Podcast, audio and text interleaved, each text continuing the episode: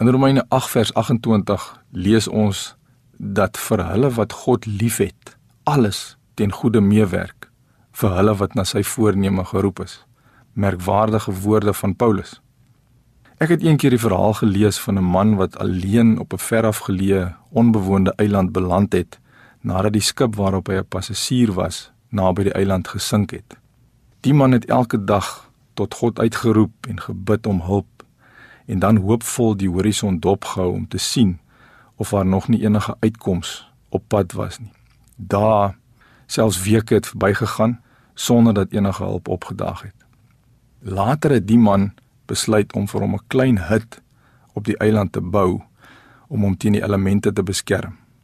Nadat hy met veel moeite daaraan geslaag het om die hut te bou, het hy na die ander kant van die eiland begin stap omdat hy geweet het dat daar iets te ete was in daardie deel.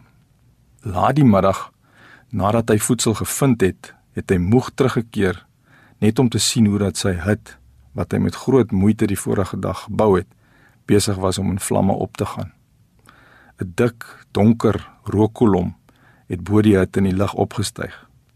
'n Mens kan maar net dink hoe die man se geloof in God se liefde en getrouheid in daardie oomblikke tot die uiterste beproef is. Vroeg die volgende oggend was daar egter 'n dramatiese wending. 'n Skip het tot by die eiland geseil, anker gegooi en die bemanning het hom na veiligheid geneem. Op die skip het die man die kaptein ontmoet en uiteraard vir hom gevra hoe hulle dan geweet het dat hy op die eiland gestrand was. Die kaptein het hom verbaas aangekyk en vir hom gesê: "Maar ons het gister van ver af jou rooksein gesien." Luisteraar, hierin is 'n kosbare les te leer.